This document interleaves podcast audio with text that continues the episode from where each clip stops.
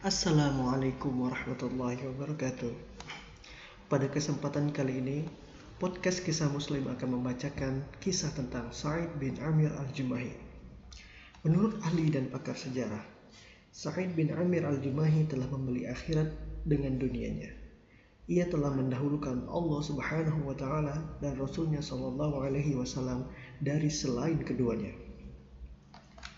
Dahulu Said bin Amir al-Jumahi adalah seorang pemuda di antara sekian ribu orang yang keluar menuju daerah Tanaim yang terletak di pinggiran kota Mekah atas seruan para pembesar Quraisy. Mereka keluar untuk menyaksikan kematian Khubaib bin Adi, salah seorang sahabat Nabi Shallallahu Alaihi Wasallam, setelah mereka menawannya dengan cara mengkhianatinya. Said ketika itu adalah seorang pemuda yang kokoh lagi sempurna dan kuat untuk berdesak-desakan dengan bahu-bahu manusia yang menyaksikan kejadian itu. Sampai ia duduk di hadapan para pembesar Quraisy, semisal Abu Sufyan bin Harb, Sofwan bin Umayyah, dan selainnya yang duduk di bagian depan dari arak-arakan ketika itu. Ia melihat seorang tawanan kaum Quraisy yang terikat dengan belenggu di mana riuhnya tepukan tangan para wanita, anak-anak, dan para pemuda mengantarkan tawanan itu ke arena kematian dengan sekali ayunan. Mereka ingin membalas dendam kepada Muhammad Wasallam dan memuliakan para korban perang mereka dalam pertempuran Badar dengan cara membunuh tawanan tadi. Ketika rombongan itu telah sampai di tempat yang disiapkan, Sa'id bin Amir al-Jumahi berdiri dengan tegak memandang Khubaib yang terikat di tiang salib. Sa'id mendengar suara tegar dan tenangnya di sela riuh ramai para wanita dan anak-anak. Khubaib berkata, Jika kalian ingin, izinkan aku untuk mengerjakan sholat dua rakaat sebelum aku dibunuh. Sa'id memandang Khubaib yang ketika itu menghadap ke arah Ka'bah Kemudian Khubaib mengerjakan sholat dua rakaat. Betapa indah dan sempurnanya sholat yang dikerjakan Khubaib itu. Kemudian Sa'id melihatnya menghadap kepada para penjamin kaum Quraisy dan berkata, Demi Allah, jika bukan karena aku khawatir kalian mengira bahwa aku memanjakan sholat itu karena meratapi kematian, niscaya aku akan memperbanyak sholatku tadi. Lantas, Said dengan kedua matanya menyaksikan kaumnya memotong-motong badan Khubaib hidup-hidup. Mereka terus memotong-motong badan Khubaib seraya berkata, Apakah kau ingin jika Muhammad menggantikan posisimu dan engkau sendiri selamat?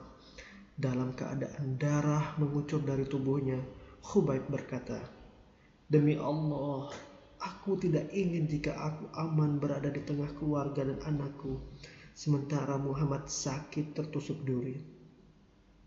Maka serta-merta mereka mengisyaratkan dengan tangan agar Khubaib dieksekusi dan suara mereka semakin gaduh dan meninggi. Bunuh dia, bunuh dia. Said bin Amir menghadap lekat-lekat ke arah Khubaib yang menatap ke langit dari tiang salib.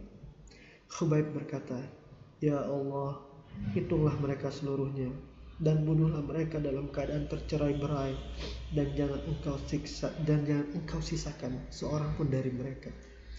Khubaib menghembuskan nafas-nafas terakhirnya. Tubuhnya terkena sayatan pedang dan tusukan tombak yang tak terhitung banyaknya.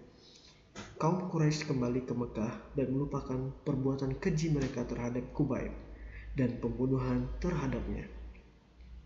Akan tetapi, sang pemuda yang telah beranjak dewasa itu Sa'id bin Amir al-Jumahi sesaat terlintas tentang Khubaib di benaknya.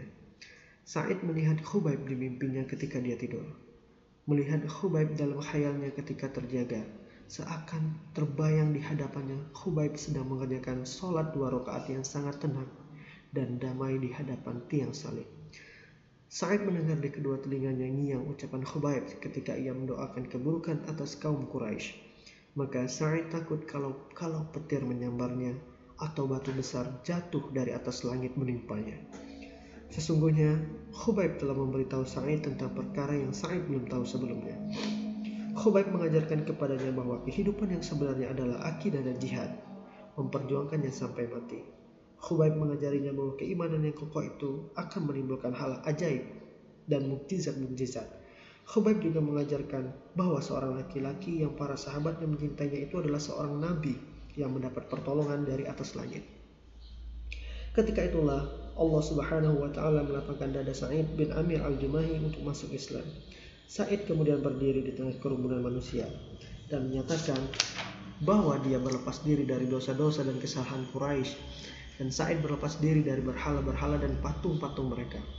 Said menyatakan kepada mereka bahwa ia masuk ke dalam agama Allah Subhanahu wa taala. Said berhijrah menuju Madinah. Ia terus bersama Rasulullah sallallahu alaihi wasallam. Ikut perang Khaybar dan perang-perang setelahnya bersama beliau.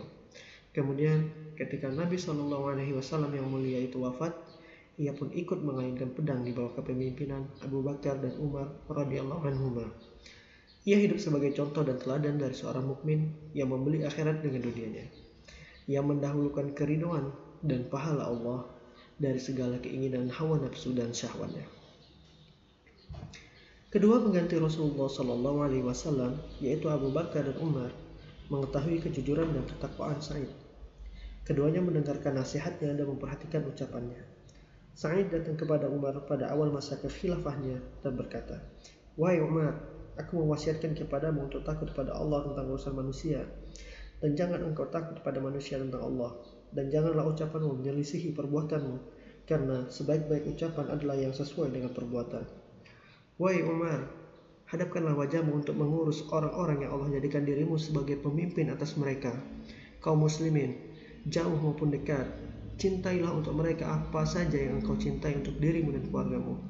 Bencilah untuk mereka apa saja yang engkau benci untukmu dan keluargamu. Dan hadanglah kematian demi membela kebenaran dan janganlah engkau takut dari celaan orang yang mencela.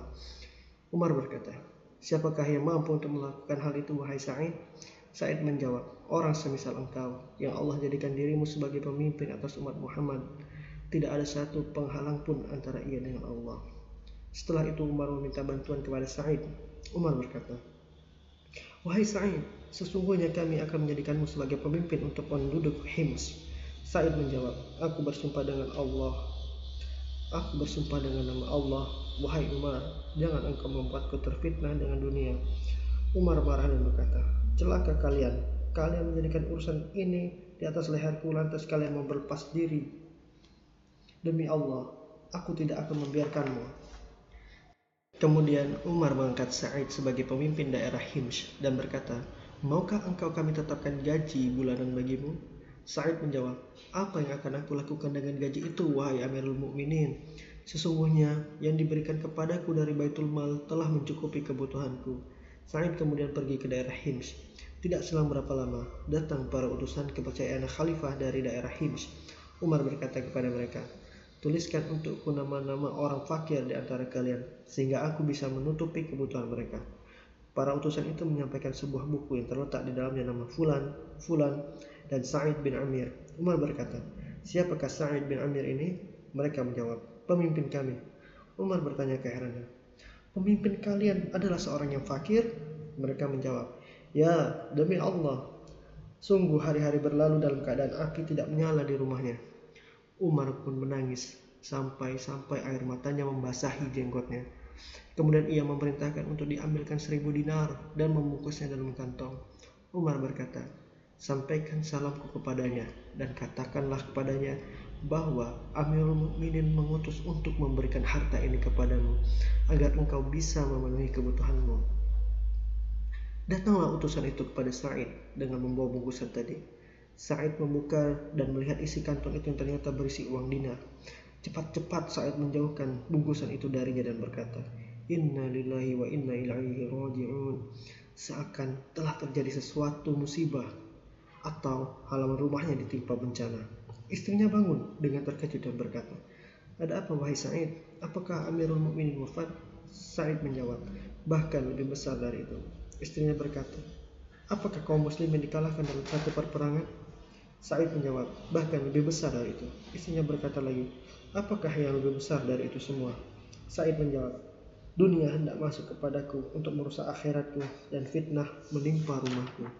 Istrinya berkata, menghindarlah darinya, sementara ia tidak tahu sedikit pun tentang uang-uang dinar itu. Said berkata, apakah engkau mau membantuku untuk itu? Istrinya menjawab, iya. Said mengambil uang dinar itu dan membaginya ke kantong-kantong, kemudian memberikannya kepada orang-orang fakir dari kaum muslimin.